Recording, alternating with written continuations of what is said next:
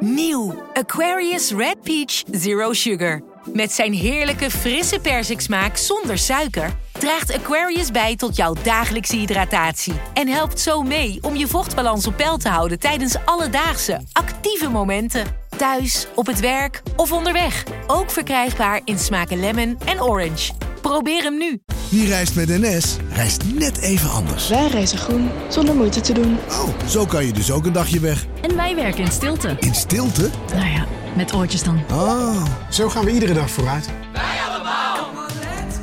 Stap je ook in?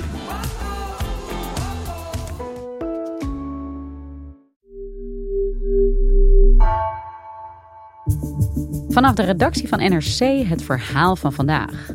Mijn naam is Floor Boon.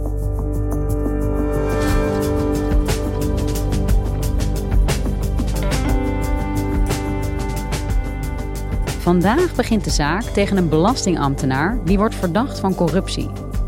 Zijn zaak is geen incident, zegt misdaadverslaggever Jan Meijers, maar onderdeel van een breder patroon waar vooral de georganiseerde misdaad van profiteert. Overheidsdiensten hebben wel integriteitsregels, maar die worden niet altijd goed nageleefd. Hoe wijdverbreid is corruptie in Nederland?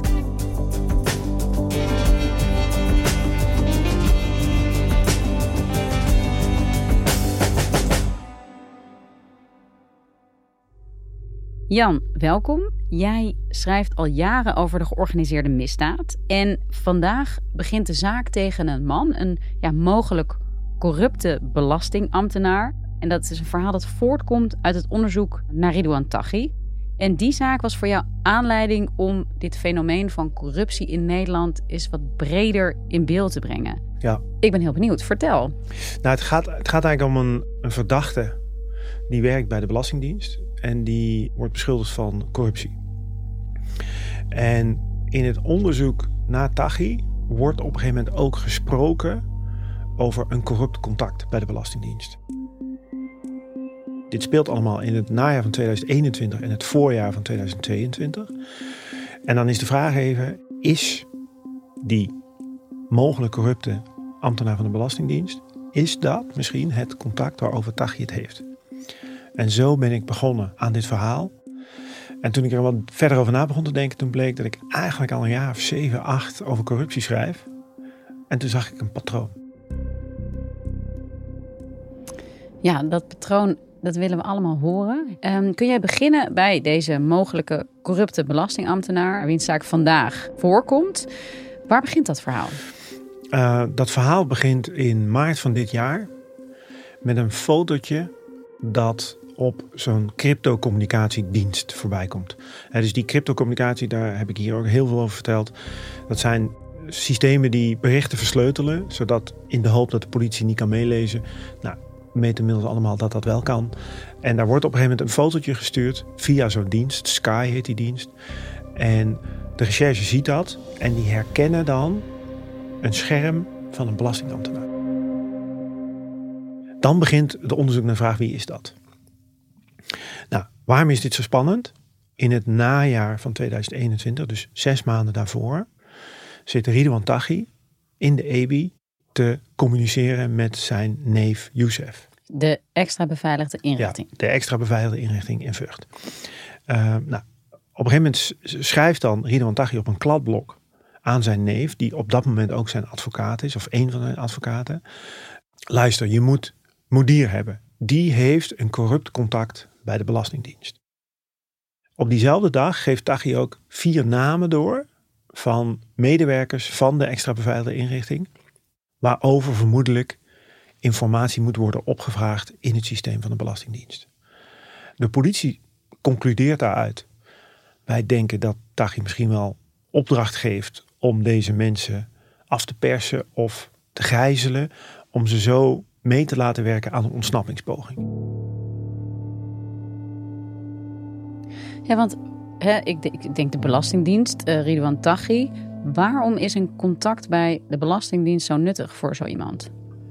Binnen de opsporing zeggen ze: je kan beter een contact hebben bij de Belastingdienst dan bij de politie. Alles zit in het systeem van de Belastingdienst. Om gewoon één heel simpel praktisch voorbeeld te, uh, te noemen. Een crimineel ziet dat hij gevolgd wordt. En die vraagt zich af, hey, wil iemand mij wat aandoen? En die maakt een fotootje van het kenteken. Als jij een medewerker van de Belastingdienst hebt op de goede plek, kan die op basis van dat enkele kenteken achterhalen op wiens naam die auto staat, waar die persoon woont, uh, wat zijn BSN-nummer is, of je kinderen hebt, wat hun BSN-nummer is, waar die werkt, wat hij doet. Nou, als jij denkt, die man wil mij wat aandoen, dan heb je heel veel aan dat soort gegevens. Dus voor criminelen zijn adresgegevens, kentekens van auto's, is gewilde informatie om concurrenten in de gaten te kunnen houden of erger. Dat zit allemaal in dat systeem. Oké, dat lijkt me heel duidelijk. Als je een crimineel bent, wil je heel graag een contact hebben bij de Belastingdienst. Precies. Wat doet de Belastingdienst als bekend wordt nou ja, dat er in ieder geval de vermoedens zijn dat er een corrupte ambtenaar in hun gelederen is. Nou, wat, wat zeg maar in het geval van deze belastingambtenaar, van deze verdachte belastingambtenaar gebeurt, is dat ze dan gewoon eigenlijk het klassieke instrumentarium toepassen. Dus ze gaan zijn telefoon tappen, ze gaan hem observeren, ze gaan kijken of hij mensen heeft in zijn omgeving die mogelijk zeg maar criminele antecedenten hebben of nou, dat soort dingen gaan ze allemaal doen. Dat levert eigenlijk niet zoveel op. En vervolgens komt dan de vraag vanuit de opsporing aan de Belastingdienst van hey, hebben jullie de loggegevens? Hebben jullie gegevens op basis waarvan blijkt dat hij in systemen heeft gezocht naar gegevens van EBI-medewerkers in het systeem van de Belastingdienst? En dan komt er een ontluisterend antwoord. Het antwoord is nee.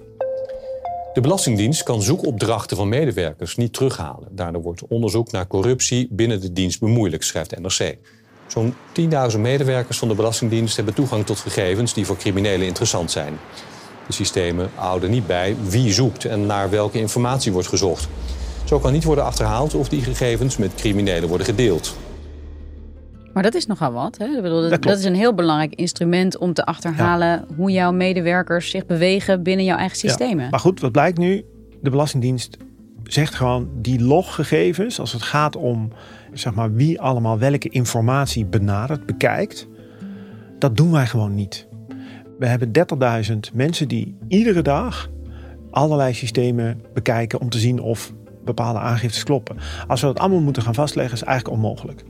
Nou, dat vinden mensen in opsporing zeer zorgelijk.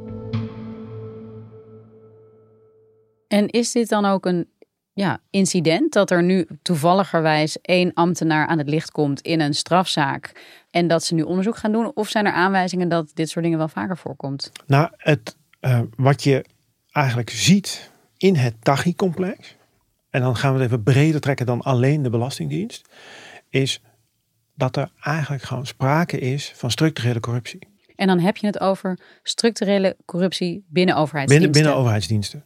Ik kan daar twee voorbeelden van geven die aan elkaar gelinkt zijn. E, het ene voorbeeld eh, betreft een gemeenteambtenaar in Den Haag, waar ook dit jaar heel veel over te doen is geweest.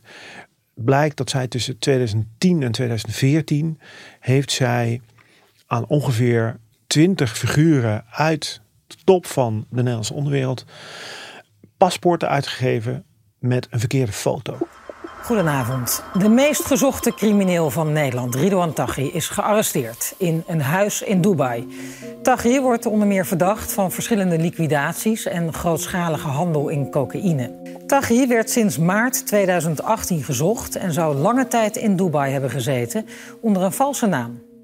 Dus dat wil zeggen, op het moment dat Taghi wordt aangehouden, dan vinden ze daar een paspoort met zijn foto, maar met andere persoonsgegevens. Dus een andere naam, andere geboortedatum. Dat paspoort is uitgegeven door die vrouw in Den Haag. Nou, hoe kan dit? Bij het aanvragen en uitgeven van paspoort geldt het vier ogen principe. Dat wil zeggen, als je een aanvraag doet, dan lever je je oude paspoort in en je geeft een foto. En dan moet de ambtenaar die die foto dan lijmt op zo'n papiertje waar je dan ook je handtekening zet, die moet dan kijken, is dit de foto van de persoon die hier voor mij staat en zegt een paspoort aan te vragen? Nou, dan gaat het paspoort, dat wordt geproduceerd. Dan krijg je twee weken later, kan je het ophalen. En dan, als het goed is, is er dan een andere ambtenaar. Die op het moment dat jij tekent voor je paspoort. En het voordat je het in handen hebt, die dan kijkt. Is de foto die in het paspoort staat, de foto van de meneer, mevrouw, die voor mij staat. Dat is het vier ogen principe. Er moeten dus twee verschillende ambtenaren zijn. In Den Haag werkte dat niet zo. Dat was dezelfde ambtenaar. Dus dan kan je relatief simpel frauderen. Want dit principe is gewoon vastgelegd. Dit moet altijd. Dit, geldt altijd. Ja, dit moet altijd. Nou, om dat nog erger te maken, heel kort door de bocht, is vastgesteld dat het de afgelopen tien jaar in 25 tot 30 procent van alle paspoortuitgiftes dit vier ogen principe niet is toegepast. En het is ook eigenlijk vrij makkelijk te omzeilen als je het zo vertelt. Ja, nee, ja, dat klopt. Maar als je, kijk, als je een procedure hebt en je houdt je dus gewoon in een kwart tot een derde van de gevallen niet aan de procedure. Ja, kijk, dat is zoiets. Dat vind ik, de criminelen vinden dat altijd. Dat, zeg maar, dat is geen muizengat, dat is gewoon een olifant de deur. Dus, nou, nu verder. Taghi kan dus reizen en met hem nou, nog een twintigtal mensen uit zijn milieu. Die kan dus reizen zonder dat de politie weet dat hij reist. Maar hij heeft dan nog een tweede corrupte contact om te voorkomen dat hij gepakt wordt. Dat is een contact bij de marechaussee. Uh, onderzoek 2015 blijkt dat die man voor corruptie wordt verdacht. En dan gaan ze kijken wat heeft hij allemaal gezocht in de systemen van de politie? En daar werken dus de loggegevens, wat bij de Belastingdienst niet werkt, bij de politie wel. En wat zien ze dan? Die man die zoekt op de naam die in het valse paspoort van Taghi staat. Nou, ook in dat onderzoek naar die marge vinden ze weer veronachtzaming van integriteitsregels. Voor de marge geldt, net als voor de politie, je mag alleen maar inloggen op je eigen naam met je eigen wachtwoord in de systemen. Nou, bij de Marge op Schiphol werkte dat kennelijk zo complex dat er drie of vier medewerkers op een afdelingje en die logden gewoon allemaal in onder dezelfde naam. Dus daar konden ze dan niet vaststellen of het nou A, B, C of D was die hier valse informatie, eh, zeg maar oneigenlijke informatie had opgevraagd. Maar ook hier geldt dus eigenlijk, er is een regel die zou moeten worden toegepast, maar het gebeurt niet. Nee, precies. En zo ziet dus misbruik van, zeg maar, overheids diensten en systemen eruit. En dat betekent dus ook dat iemand waarop sinds 2016, 17 eigenlijk vol gejaagd wordt, jarenlang onder de radar kan blijven. Je zegt, ik schrijf al best wel lang over corruptie. Je hebt ook heel veel geschreven over corruptie bij de douane bijvoorbeeld. Ja. Welke voorbeelden ben je daar tegengekomen? Dat gaat dan terug naar 2015. En uh, de douane, dat zijn mensen die staan zeg maar echt voorop in de strijd tegen de smokkel van cocaïne. Dus die moeten containers in de haven controleren. En als zij denken dat een container mogelijk drugs bevat of andere illegale spullen, dan moeten die container eruit trekken, uit het systeem trekken en laten controleren. Nou, bij die afdeling daar werken ongeveer 20 mensen. En in 2015 komt dankzij een onderzoek naar een moord, komt in beeld dat er een douanier mogelijk corrupt is. Lang verhaal kort, uiteindelijk blijkt dat van die afdeling, van de 20 mensen die daar werken, zijn er in 2015 en begin 2016 drie opgepakt. En die zijn alle drie veroordeeld voor corruptie, voor het meewerken aan het smokkelen van cocaïne. Dus wat zij moesten voorkomen, daar hebben ze aan meegewerkt. Drie van 20, ik kan heel snel rekenen, dat is 15 procent. De douane is onderdeel van de Belastingdienst. Nu wordt het pas echt erg.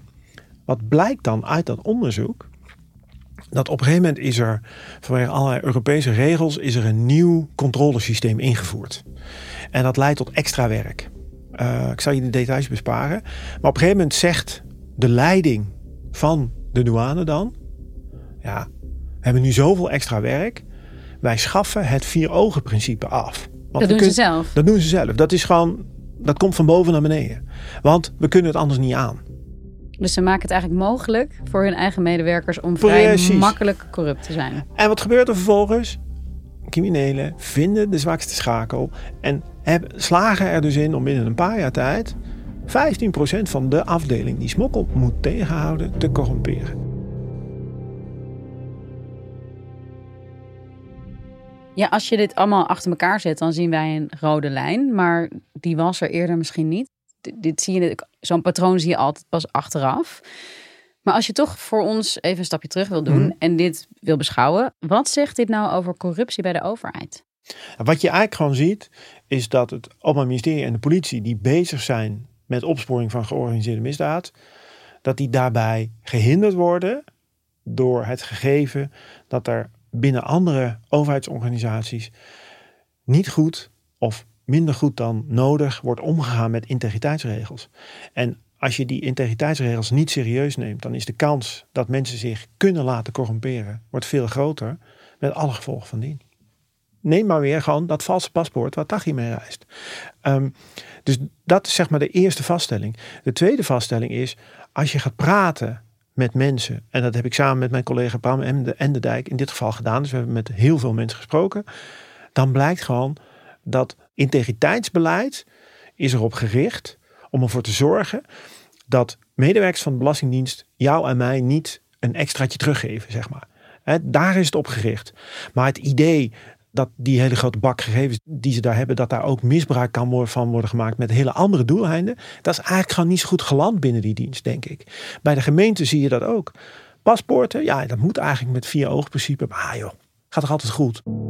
En ik denk, we leven gewoon in een andere tijd. En het is misschien wel goed om dat nog een keer vast te stellen. Kijk, Nederland, dat heb ik hier ook al vaker verteld, is de draaischijf geworden van de drugsmafia in West-Europa. Nou, dat is, dat een lange ontwikkeling, lang verhaal. Maar de afgelopen tien jaar zien we daar op allerlei punten de bevestiging van. En, en je, als je gewoon ziet naar onderzoeken die naar gedaan zijn, wat mensen erover gezegd hebben. Eigenlijk is het gewoon altijd zo dat naarmate zeg maar, een georganiseerde misdaad rond drugs groeit, dan is de vaststelling gewoon dat kan alleen maar groeien en groter worden dankzij corruptie. Je hebt corrupte ambtenaren nodig om dat systeem in stand te houden. En dankzij die berichten uit die cryptotelefoons hebben we ook gezien, het komt veel vaker voor dan we denken. En wat ik hoop is dat na aanleiding van zo'n, zeg maar, gewoon zo'n opsomming van zes, zeven jaar journalistiek werk, dat ook mensen gaan nadenken van, hé, hey, misschien moeten wij toch dit gewoon allemaal eens veel serieuzer gaan nemen. Om te voorkomen dat we over een periode van een jaar of tien als zeg maar, corrupte mensen binnen die organisaties carrière hebben gemaakt en, en van uitvoerder beleidsmaker zijn geworden en ze nog steeds corrupt zijn, dat ze dan in één keer allerlei beleidsbeslissingen kunnen nemen ten voordele van hun corrupte contacten. Want dan hebben we een situatie die echt gaat lijken op Italië of uh, zeg maar New York in de tijden van de Italiaanse maffia in de jaren 70 en 80. En als dat gebeurt, dan weet je dus eigenlijk niet meer of je te maken hebt met een betrouwbare overheid. En dat zou pas echt een groot probleem zijn. Ja, Jan, dit zijn echt verontrustende inzichten die je hier met ons deelt. Um, tegelijkertijd zeg je ook, het wordt nu langzaam duidelijk, maar het onderzoek naar corruptie mhm. is moeilijk, loopt, verloopt ook mhm. moeizaam. Mhm. Vandaag staat er toch een verdachte voor de rechter. Hoe is dit dan gelukt? Ze hebben dus dat fotootje gevonden van het scherm. En dat is onweerlegbaar dat hij dat is. Uh, maar de vraag is natuurlijk van, hey, hoe, komt, hoe komt de crimineel aan een foto van jouw scherm? En wat er dan eigenlijk van de zomer is gebeurd, is dat een soort van een laatste poging om te kijken wat hier aan de hand is, hebben ze een doorzoeking gedaan van zijn woning. En dan vinden ze 900.000 euro cash verstopt in vijf bakken of dozen.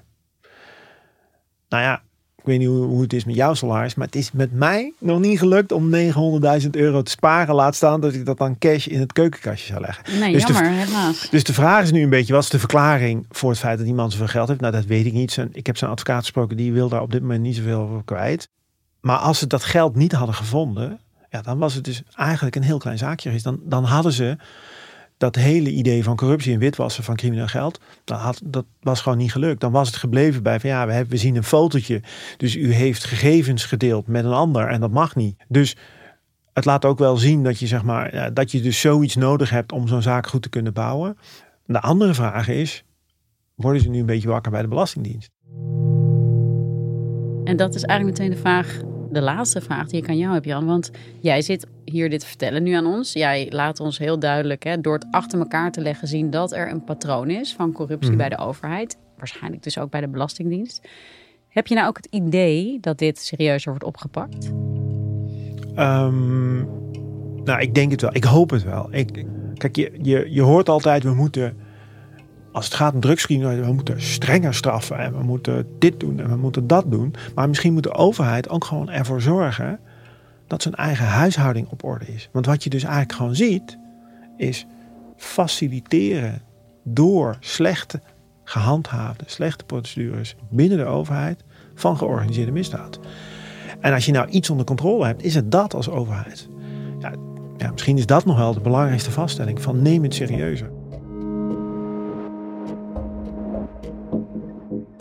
Dankjewel Jan. Graag gedaan.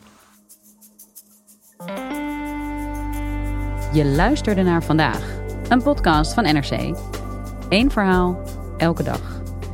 Deze aflevering werd gemaakt door Ruben Pest en Jeppe van Kesteren. Dit was vandaag. Morgen weer.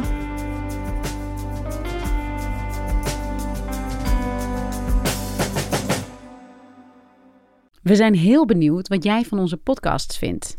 Je helpt ons enorm door een korte vragenlijst in te vullen op nrc.nl/slash podcastonderzoek. Dankjewel.